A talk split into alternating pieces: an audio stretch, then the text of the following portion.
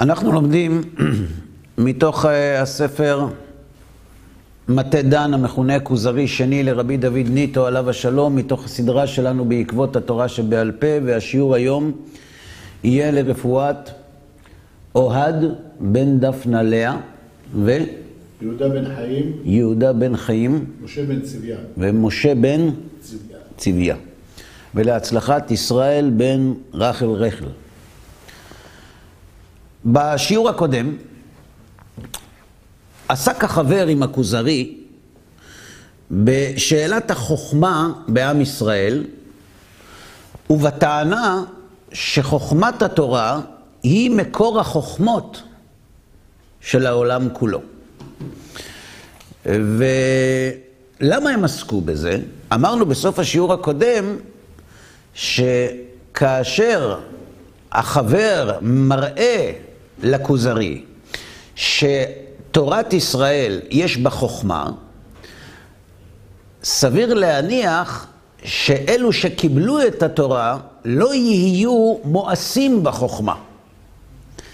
ולכן קשה יהיה לטעון שהעם היהודי מתנגד לאהבת החוכמה, דהיינו לפילוסופיה. ובזה עסקנו כבר בשיעורים הקודמים. כדוגמה, הביא החבר בפני הכוזרי את חוכמת המליצה, השירה שמופיעה בתורה, כדי להראות שהטענה של היוונים בדבר קדימות חוכמת השירה ביוון איננה נכונה.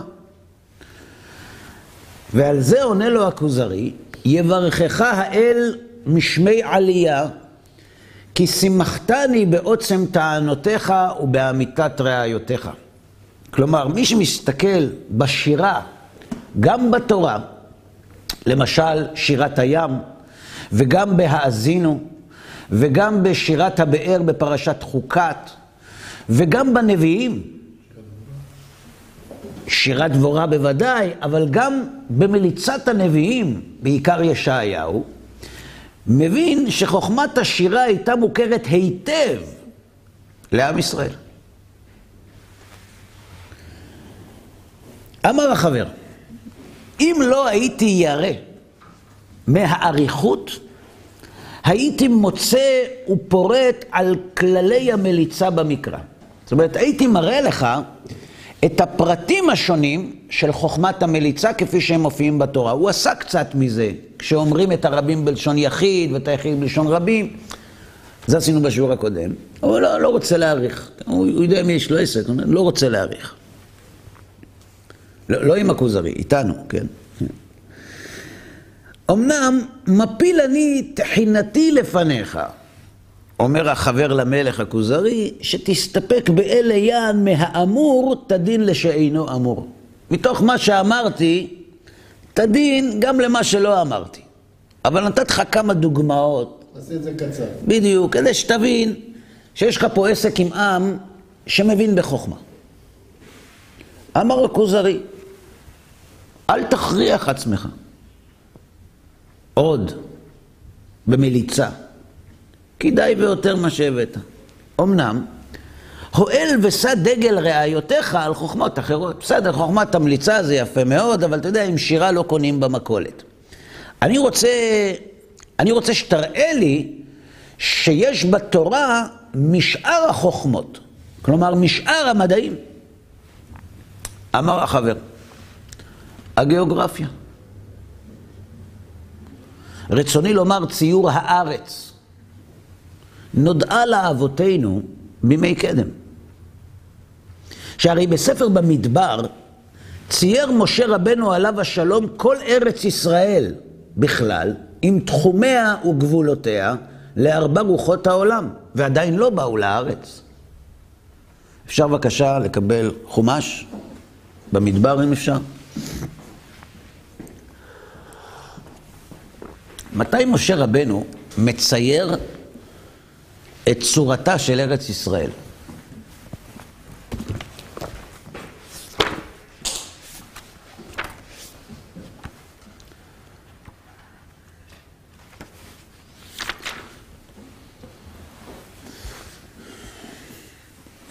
בפרק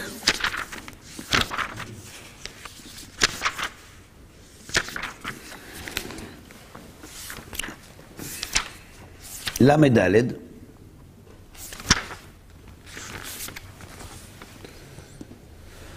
וידבר השם אל משה לאמור, צב את בני ישראל ואמרת עליהם, משה רבנו בפרשה הזאת, פרשת מסעי, מכין את בני ישראל לכניסתם לארץ, אומר להם לבנות ערי מקלט, אומר להם איך להתנהל מול האומות שמתגוררות בארץ ישראל, אומר להם אה, את ההתנחלות שלהם בארץ ישראל, כלומר את סדר הנחלה, והוא כותב כך: כי אתם באים אל ארץ כנען, זאת הארץ אשר תיפול לכם בנחלה, ארץ כנען לגבולותיה. זאת אומרת, אתם עומדים לקבל כל שבט חלק בארץ ישראל. אז בואו אני אגיד לכם איפה אתם עומדים לקבל.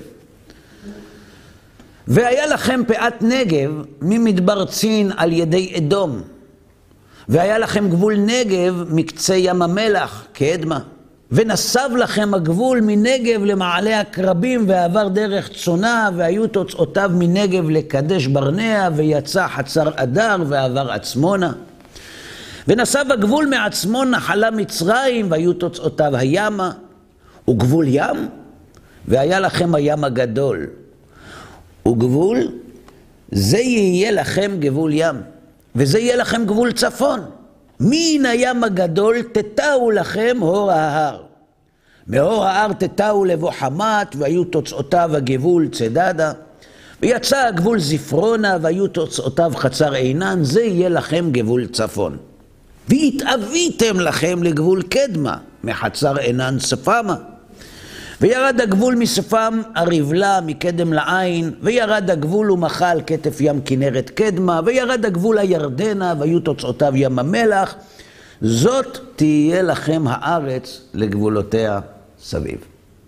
זאת אומרת, בפרשת מסעי, משה רבנו מצייר על הלוח את גבולותיה של ארץ ישראל, שבתוך התחום הזה עם ישראל עומד לנחול נחלה. מאיפה הוא... זאת אומרת, חברה להגנת הטבע עוד לא הוציאה מפה, סימון שבילים. מן הסתם קיבל בנבואה. אתה אומר וקיבל בנבואה. מן הסתם. טוב, אתה, שואל, אתה אומר דבר טוב, אבל תן לכוזרי לשאול את זה. בסדר, כי הוא מלך, אחרי זה אנחנו... מה נחשב לדבר הזה? גיאוגרפיה, בוודאי. לראות את המציאות פשוט, זה לא... לראות את המציאות, אתה אומר. זאת אומרת, מי שגר, נכון? מי שגר בישראל, הוא, הוא מכיר את המציאות. כן. זאת אומרת, אתה שואל בן אדם איפה זה אילת, הוא יודע. אולי. אם הוא מכיר את המפה. כן. יפה. אבל המפה, מישהו שרטט אותה. על פי מה?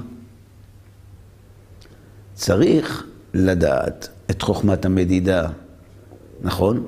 צריך לדעת הרבה דברים כדי לבנות מפה, כדי למפות. היום זה קל, אבל פעם, פעם חשבו שהעולם שטוח. פעם חשבו שהעולם עומד על פילים, וכשהם משתעלים יש רעידת אדמה.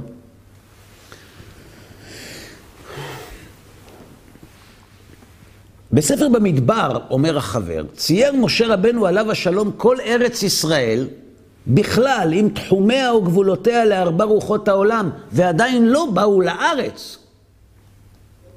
וביהושע מתחילת פרק י"ג עד רוב שאר ספרו, מצינו ארץ ישראל נחלקת לחלקים ולחלקי חלקים של מדינות, כרכים, עיירות, כפרים, ערים, גבעות, ימים, נהרות, מעיינות. כאילו כל הארץ מוכרת להם.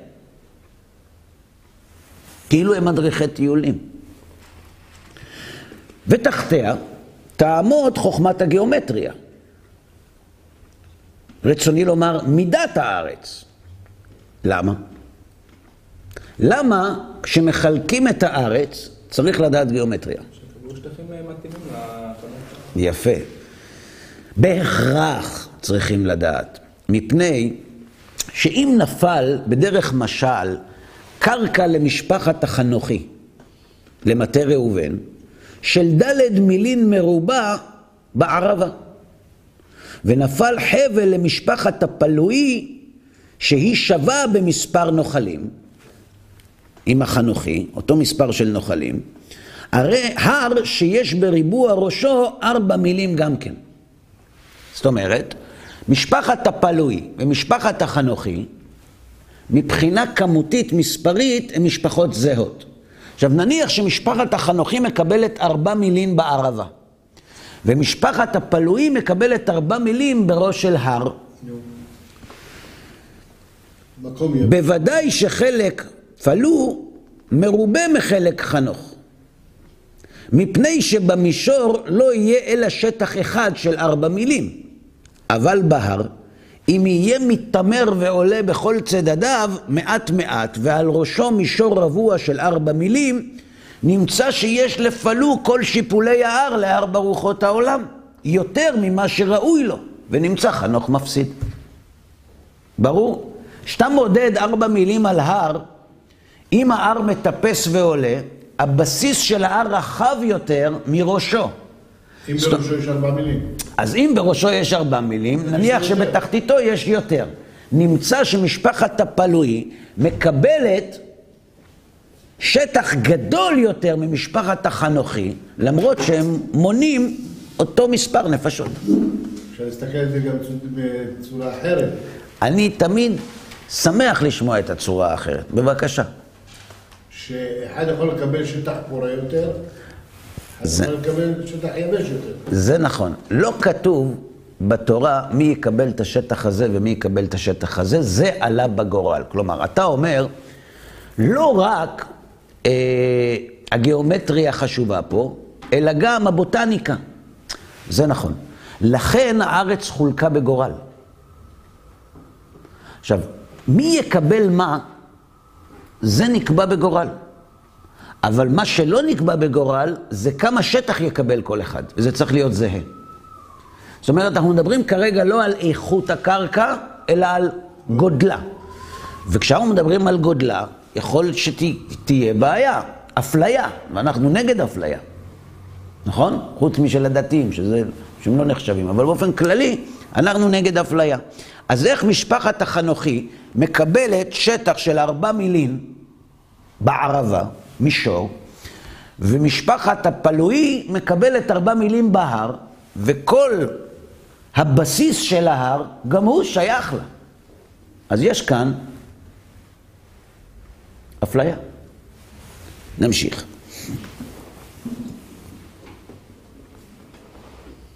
צריך אם כן, שעל ידי חוכמת הגיאומטריה יהיה המישור לעקוב והרכסים לבקעה, להשוות החלקים כפי מספר הנוחלים. בקיצור, צריך ליישר את השטח. איך מיישרים אותו? איך יודעים לחשב? והנה ביוון, החוכמה הזאת לא נכתבה במילואה על ספר, עד שקם אבקלידיס. מי זה אבקלידיס? אוקלידיס, אבי הגיאומטריה, אוקלידיס מאלכסנדריה, שהוא אבי הגיאומטריה, ככה הוא מכונה, וזה היה בימי פלטון הנ"ל, כלומר, בימיו של אפלטון. כלומר, מתי לראשונה אנחנו מוצאים ספר שעוסק בגיאומטריה? בימי אוקלידס האלכסנדרוני, שזה בימי אפלטון. בתורה זה כבר רשום. עכשיו, איך משה הגיע לזה, זה כרגע לא מעניין אותי. אבל אין ספק שגם בספר במדבר וגם בספר יהושע, אנחנו מוצאים גם תיאור גיאוגרפי וגם מחויבות לגיאומטריה כדי לחלק נכון את האדמה למשפחות. ברור. עוד צריך שידעו סגולות וחילוקי האדמה. זאת אומרת, את חוכמת האדמה, החקלאות, הבוטניקה. למה? לא כדי לדעת איך לחלק למי מה. כי יש קרקע יפה לחיטים, ויש יפה לגפנים, ויש יפה לזיתים. אז כשאתה בא פה למושב, ושואל את הבן אדם, תגיד לי, למה פה שמת גפנים ופה שמת זיתים ופה שמת תפוזים? הוא אומר, תקשיב, זה לא על רגל אחת, אבל בגדול, האדמה הזאת יותר מתאימה לזיתים. זו יותר מתאימה וכולי. מאיפה הוא יודע את זה? מהניסיון, נכון? שלו, של אבותיו, של אבות אבותיו. ומהיכן למדו הם כל זה? והם היו במדבר שמם ארבעים שנה. זה לא שהם ידעו איפה לשים זיתים, הם לא ידעו מה זה.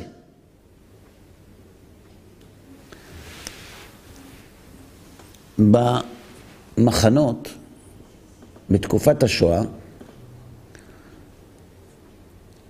אסירי הזונדר קומנדו, שהיו אחראים על אזור המשרפות,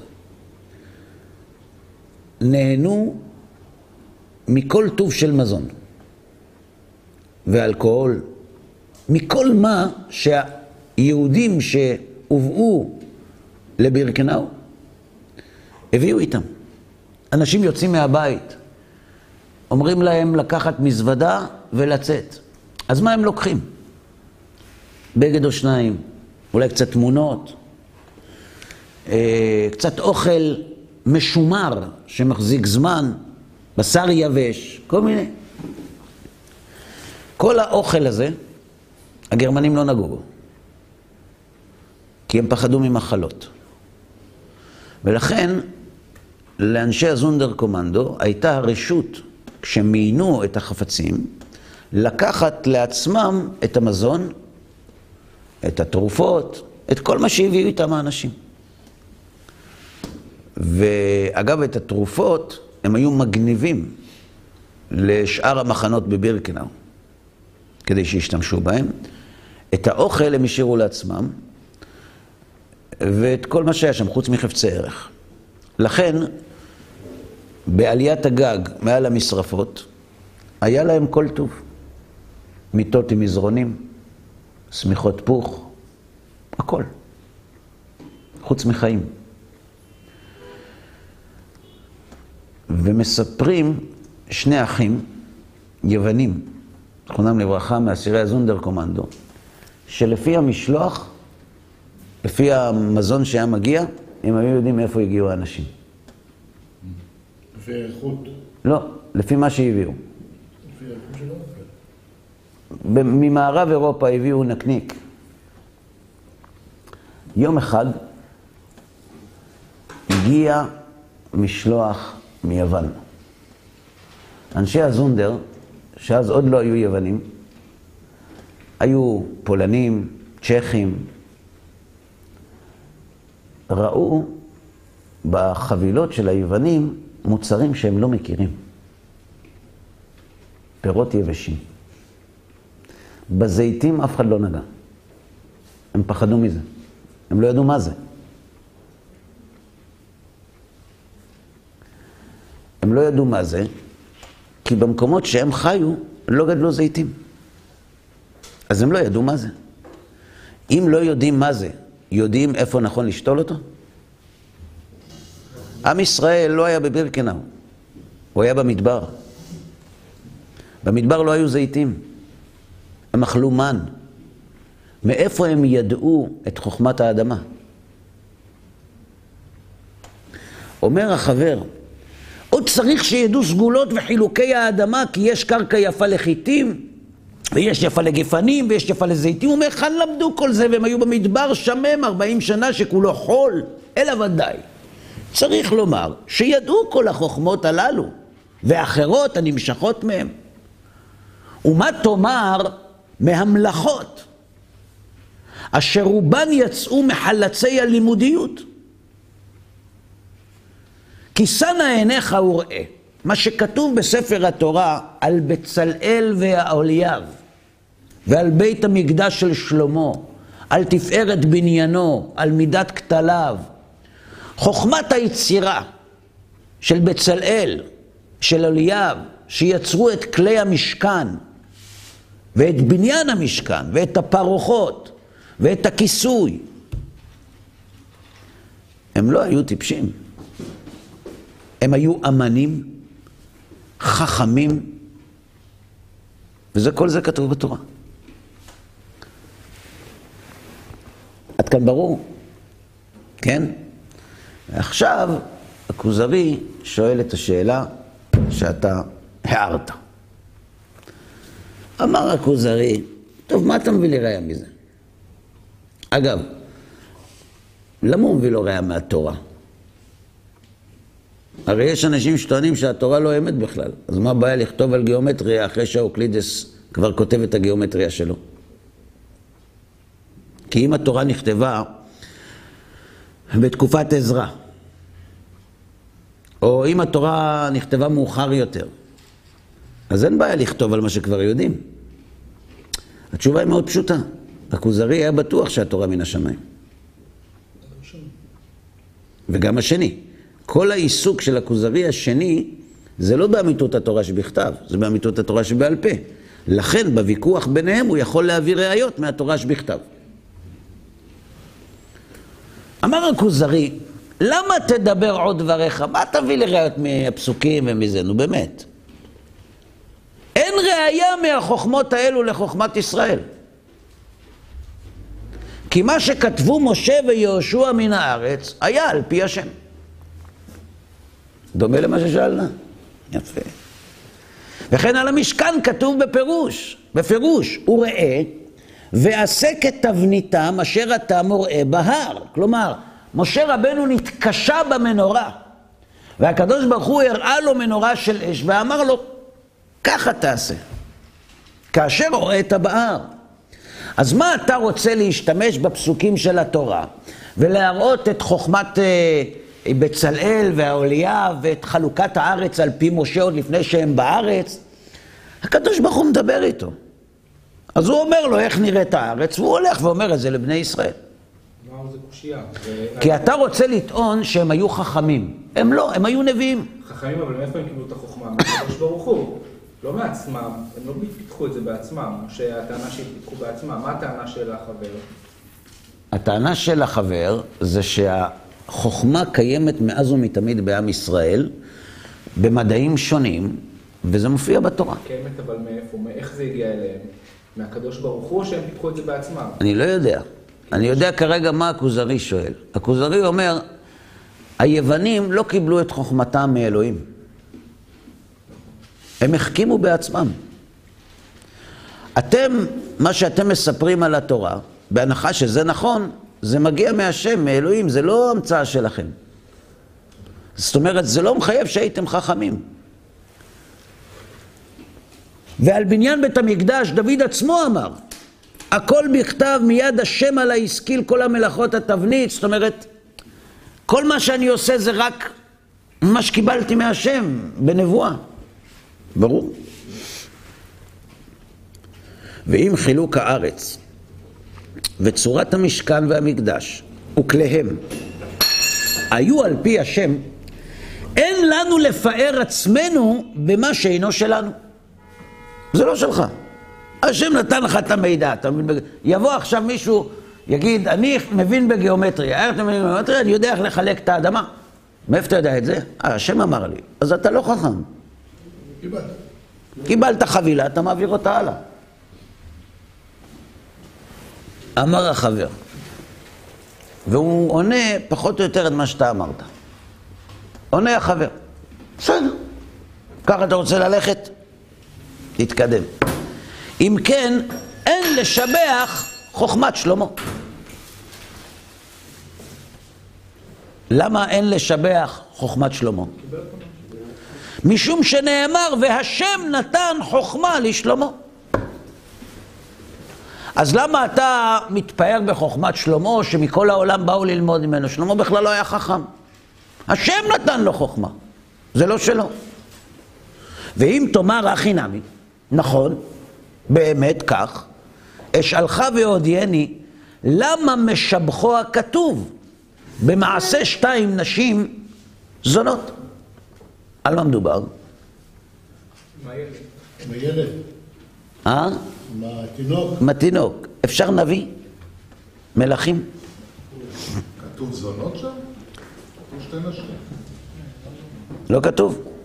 לא יודע מקרה אחר. אולי אתה צודק, תכף נראה. אז תבואנה שתיים נשים זונות אל המלך. לא יודע, נבדוק.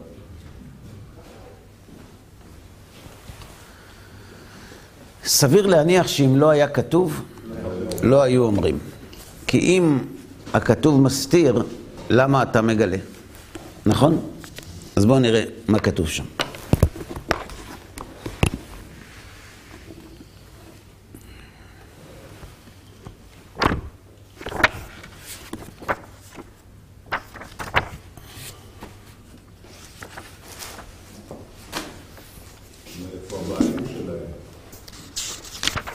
איפה הבעלים שלהם?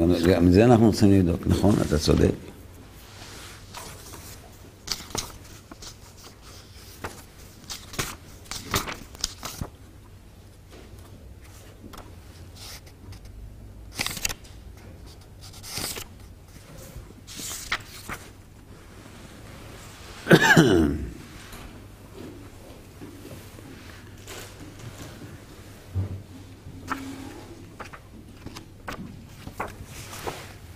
בבקשה.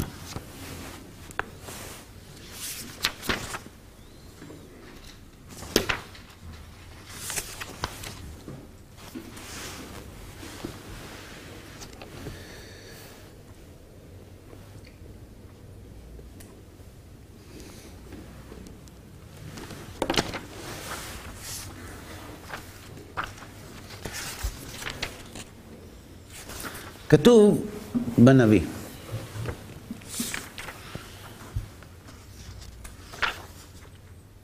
בגבעון נראה השם אל שלמה בחלום הלילה. ויאמר אלוהים, שאל מה אתן לך. הקדוש ברוך הוא מתגלה לשלמה המלך, ואומר לו, מה תבקש בני? ויאמר שלמה, אתה עשית עם עבדך דוד, אבי, חסד גדול.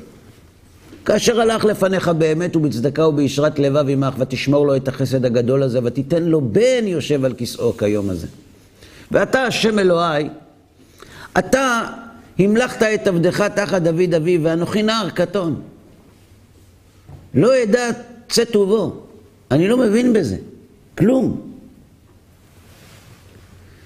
ונתת לעבדך, ועבדך בתוך עמך אשר בחרת, עם רב אשר לא ימנה ולא יספר מרוב. ריבונו של עולם.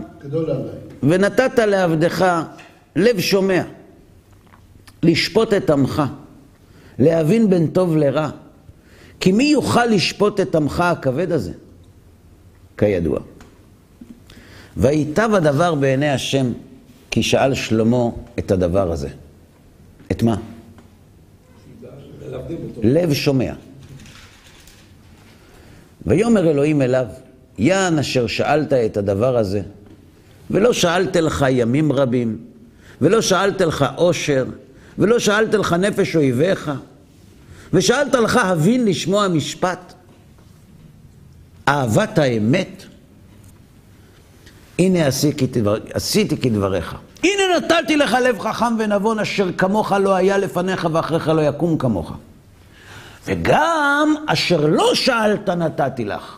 גם עושר, גם כבוד, אשר לא היה כמוך איש במלכים כל ימיך. בסדר? ויקץ שלמה, והנה חלום. ויבוא ירושלים ויעמוד לפני ארון ברית השם, ויעל עולות, ויעש שלמים, ויעש משתה לכל עבודיו. אז תבואנה שתיים נשים זונות אל המלך ותעמודנה לפניו. למה זה סמוך לזה? כדי להראות לנו שחוכמת שלמה מוצאת את ביטויה במשפט שלמה. הוא חולם בגבעון, הוא מבקש לב שומע, להבין משפט, השם נותן לו גם את זה וגם מה שלא ביקש, ואז עושים לו טסט. נכון. ותאמר האישה האחת, בי אדוני, אני והאישה הזאת יושבות בבית אחד, ואלד עמה בבית. שתי נשים, שתיהן ילדו בן כל אחת. בסדר? ויהי ביום השלישי ללידתי, ותלת גם האישה הזאת. שתינו ילדנו. ואנחנו יחדיו. אין זר איתנו בבית, זולתי שתיים אנחנו בבית. לא היה אף אחד עוד. וימות בן האישה הזאת, לילה, אשר שכבה עליו. רצתה להניק אותו, לא שמה לב, חנקה אותו. אז בשלום. ותקום בתוך הלילה, ותיקח את בני מאצלי, והמתך ישנה, ותשכיבהו בחיקה. ואת בנה המת השכיבה בחיקי. ואקום בבוקר להעניק את בני, והנה מת. ואתבונן אליו בבוקר, והנה לא היה בני אשר ילדתי.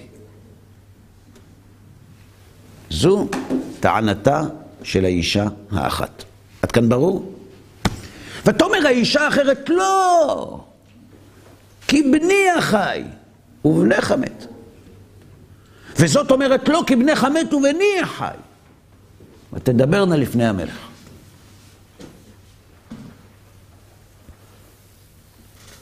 מה עושים? ויאמר המלך, בעיה. זאת אומרת, זה בני החי ובנך מת, וזאת אומרת, לא כי בנך מת ובני החי. בשביל מה הוא חוזר על זה? כדי שהן תבנה שהוא הבין את הטענות. בסדר? שלא יהיה ערעור. ויאמר המלך, קחו לי חרב. ויביאו החרב לפני המלך. ויאמר המלך, גזרו את הילד החי לשניים, ותנו את החצי לאחד ואת החצי לאחד.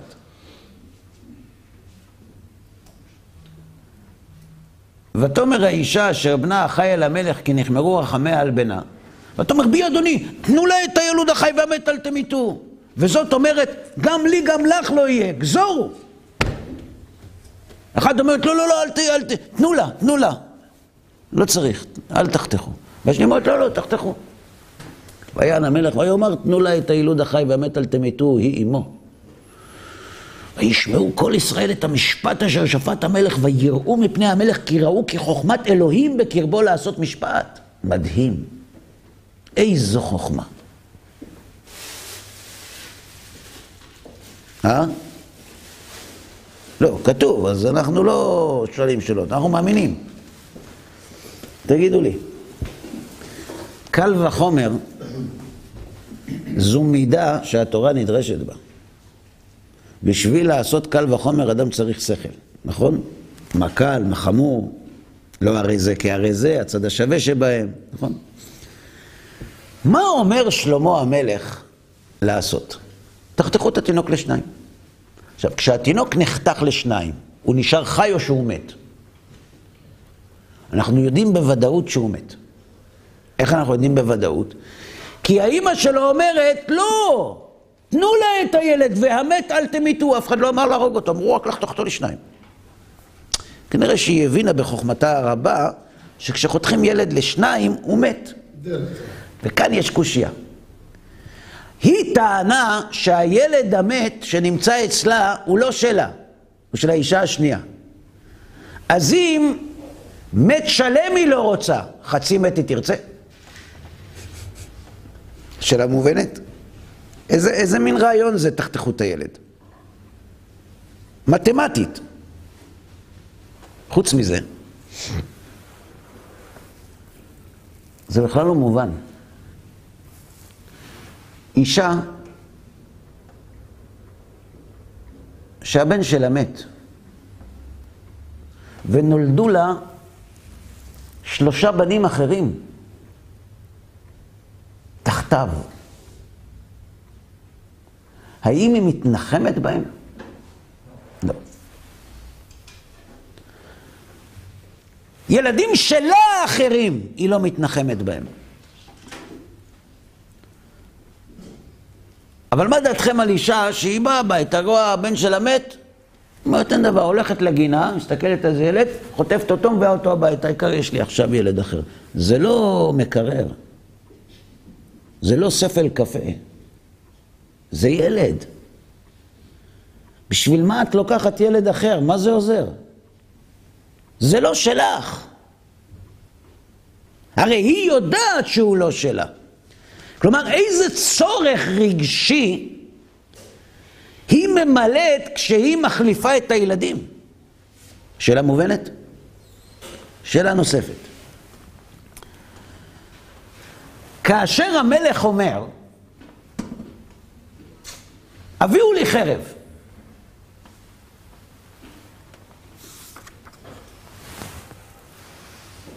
וגיזרו את הילד החי לשניים. מה אומרת האימא שלו? ותאמר האישה אשר בנה חי אל המלך, כי נחמרו רחמיה על בנה, ותאמר בי אדוני, תנו לה את הילוד החי, והמת אל תמיתו. מה היא אומרת? תנו לשנייה. ומה השנייה אומרת? זו. בשביל מה היא מדברת? בשביל מה היא מדברת? טיפשה. תשתקי. קיבלה את הילד, מה את אומרת? את אומרת הילד שלך, קחי אותו. היה צריך להיות כתוב, כי נחמרו רחמיה על בנה, ותאמר בי אדוני, תנו לה את הילוד החי והמת אל תמיתו, ויתנו לה את הילד ותלך.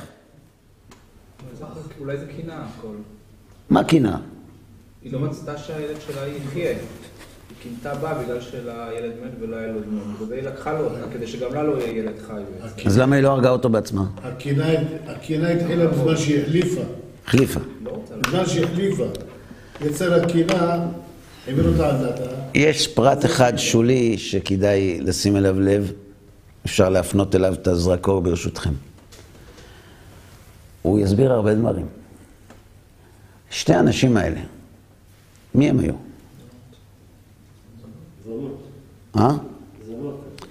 איפה הבעלים שלהם? בלתי מזוהים. לא יודעים. היה ביניהם קשר משפחתי? לא. חז"ל אומרים שהם היו כלה וחמותה. עכשיו, הרבה דברים מתבררים. כלה וחמותה מאז ומעולם, אהבה גדולה הייתה ביניהם. כן, כתוב, בעקבות משיכה, איך כתוב במסכת סוטה פרק ט' פשטת ט"ו, אז כתוב מה יקרה, חוצפה ישגה, יוקר יאמיר, הגליל יחרב, הגולה נישום, בן קם באביו, בת באימה וכלה בחמותה. לא בחיים. זה חידוש עצום. לא. זה רק בימות המשיח. זאת אומרת, אם נתקלתם בבעיות בין כלה וחמותה, דעו לכם שאנחנו בימות המשיח. ככה כתוב במשנה, נכון? זה כבר מזמן. אתה אומר, המשיח צריך לבוא כבר מזמן. כן, מזמן. טוב. הם היו כלה וחמותה. הבעלים שלהם מתו.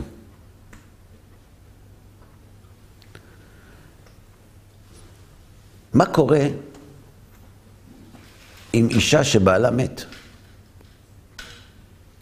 למה היא הופכת? לאלמנה. ולמה עוד? נכון, היא זקוקה לייבום. אם בעלה מת ואין לו בנים, אז צריך אחי המת לייבם את אשת המת, להקים שם לאחיו. נכון? אבל אם היו לו בנים, לא חייב. אה? לא חייב. הכלה והחמות ילדו. כל אחת. עכשיו, אם הם ילדו, הן זקוקות לייבום? לא. אה?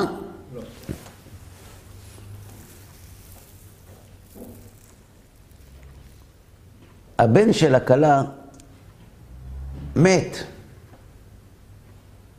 האם היא זקוקה לייבום? כן. אבל הוא כבר נולד, כבר היה בן. אבל אם הוא מת בתוך 30 יום, הוא נפל. ואז היא זקוקה לייבום. מי הוא אמור לייבם אותה? האח של בעלה. מי זה האח של בעלה? זה שיושן במיטה ליד. הוא ילד גדול כבר. הוא בן שבוע. עכשיו היא צריכה לחכות. 13 שנה, או שייבם אותה, ואז היא תתחתן עם ילד, או שהוא יחלוץ לה, ואז היא. תותר לשוק.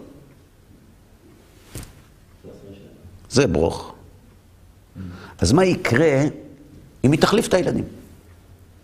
אז הילד שלה יעבור את גיל חודש. זה צריך לייבם אותה מת. זה שהיה צריך לייבם, היא לא צריכה ייבום גם. היא לא צריכה, הוא לא מת, זה, הוא הבן שלה עכשיו. אז היא לא צריכה ייבום. כי אנשים חושבים שהבן שלה חי, ומי שהבן שלה חי, היא לא זקוקה לייבום. ודווקא הבן של חמותה הוא זה שמת. בסדר עד פה?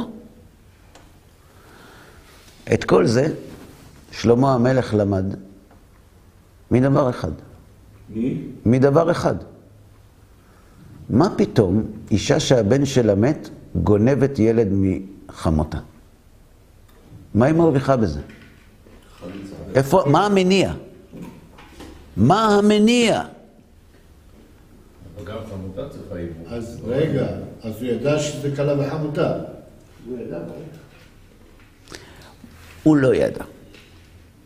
אבל כשבאות שתי נשים, ואחת מאשימה את השנייה שהבן שלה מת והיא גנבה, את, גנבה לה את התינוק שלה, זה מעורר אצלו שאלה, למה עושים דבר כזה? ואז הוא מתחיל לחקור אותם. מי אתם? מה אתם? אה, כלה וחמותה, אה, כלה וחמותה. יש לך בעל? לא. לך יש בעל? לא. מתי הם מתו? התחיל לשאול אותם שאלות, ואז הוא מגלה שאם זה נכון, היא זקוקה לייבום. עכשיו, ואיך הוא עושה את זה? איך, איך, איך, איך, הוא, איך הוא מוכיח את זה? אז הוא אומר, גזורו. למי טוב הגזורו? לזאת שזקוקה לייבום. כי אם יהרגו את היבם שלה, אז הכל בסדר. אם היא תקבל אותו, גם טוב. אם יהרגו אותו, גם טוב. היא יוצאת טוב בכל מצב. ואז האימא אומרת, לא, תשאירו אותו חי. למה? גם בגלל שהיא אוהבת אותו, וגם בגלל שאם הוא יישאר חי, יש סיכוי לערעור. ואז אולי יתברר שהיבם חי. נכון שהוא אצלה, יעשו בדיקות גנטיות, תראו למי הוא שייך. ואז היא כן תצטרך לחכות. והיא אומרת, לא, לא, לא, תגזרו. למה תגזרו? כותב המאירי עליו השלום. גם אצל רשעים יש רמות של חטא. למה היא החליפה את הילד? כי היא רצתה להינשא. אבל היא יודעת שהיבם שלה חי, שהוא כאילו הבן שלה. ולאדם מבחינה מצפונית קשה לחיות עם חטא מתמשך. לכן היא מעדיפה שיקרה דבר חמור הרבה יותר, אבל לגמור עם זה, מאשר להמשיך את החטא. וגם את זה שלמה הבין. ואז הוא אמר תגזרו. למה הוא אמר תגזרו? כדי לשמוע מה אומרת זאת שהחליפה אותו, שזקוקה לייבום. וכשהיא אומרת כן, תחתכו. אומר שלמה המלך, ויען המלך ויאמר תנו לה את הילוד החי והמת אל תמיתו, היא עמו. וישמעו כל ישראל את המשפט אשר שפט המלך, ויראו מפני המלך כי ראו כי חוכמת אלוהים בקרבו לעשות משפט. למי עם ישראל מייחס את חוכמתו של שלמה? חוכמת אלוהים בקרבו. אומר החבר, אם כן אין לשבח חוכמת שלמה, משום שנאמר והשם נתן חוכמה לשלמה. ואם תאמר החינם ישלחה והודיעני, למה משבחו הכתוב במעשה שתיים נשים זונות? ולמה בפארו ותרב חוכמת שלמה מחוכמת כל בני קדם ויחכה מכל אדם? ולמה כתוב על מתקת שבא ותרא את חוכמת שלמה ולא היה בה עוד רוח? טלפה המלכה שראתה את חוכמתו של שלמה. וכי סלקא דעתך, תעלה בדעתך, שהדין נותן שנשבח הפילוסופים שאפשר שכל חוכמתה אינה אלא שקר וכזב והבל וריק, ולא נשבח נביאי ומלכי ישראל שהיו לימודי השם? למה לפילוסוף שמחכים מכליותיו שאפשר, שכל מה שהוא אומר זה שטויות. ואנחנו נכבד אותו על החוכמה הזאת, ומי שאומר דברי חוכמה אלוהיים, רק בגלל שהוא קיבל אותה מהשם יתברך, לא נשבח אותו. ונקודה אחרונה.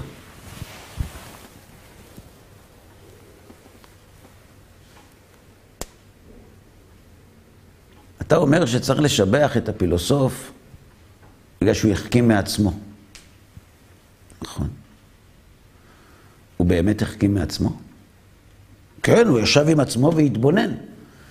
ומי נתן לו את התבונה להתבונן? הקדוש ברוך הוא. אז מה ההבדל בין שלמה, שמשתמש בחוכמה האלוהית כדי לעשות משפט, לבין פילוסוף שמשתמש בתבונה האלוהית כדי ללמוד על העולם? אותו מקור חוכמה. נכון. יהיב חוכמתה לחכימים. שואלים, למה השם נותנה לחכמים?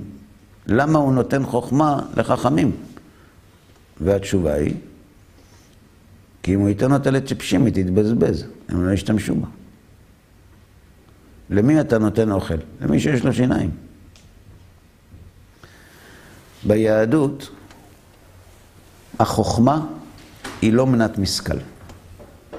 החוכמה היא מתנת השם, ויש לזה הוכחה.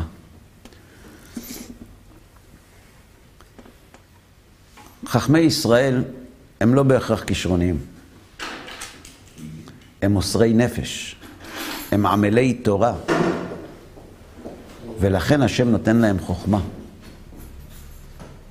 אתם יכולים להסתכל על הרבה מגדולי ישראל שבצעירותם היו, מבחינת החוכמה שלהם, בינוניים לחלוטין. חלקם אפילו עם קשיים לימודיים. והם זכו לחוכמה בגלל המסירות נפש, בגלל ההתמדה, בגלל העמל, ובעיקר בגלל הדמעות. התורה לא נקנית בשכל. חוכמת התורה נקנית במסירות נפש.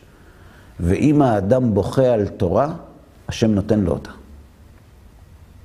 זה כלל ברזל, בדוק, שאין בו יוצאים מן הכלל כלל. מי שבוכה על חוכמת התורה, הוא מקבל אותה. אמר הכוזרי, בי השם אל נא תשת עלי חטאת, אשר נועלתי ואשר חטאתי. ביידיש זה נקרא מחילה.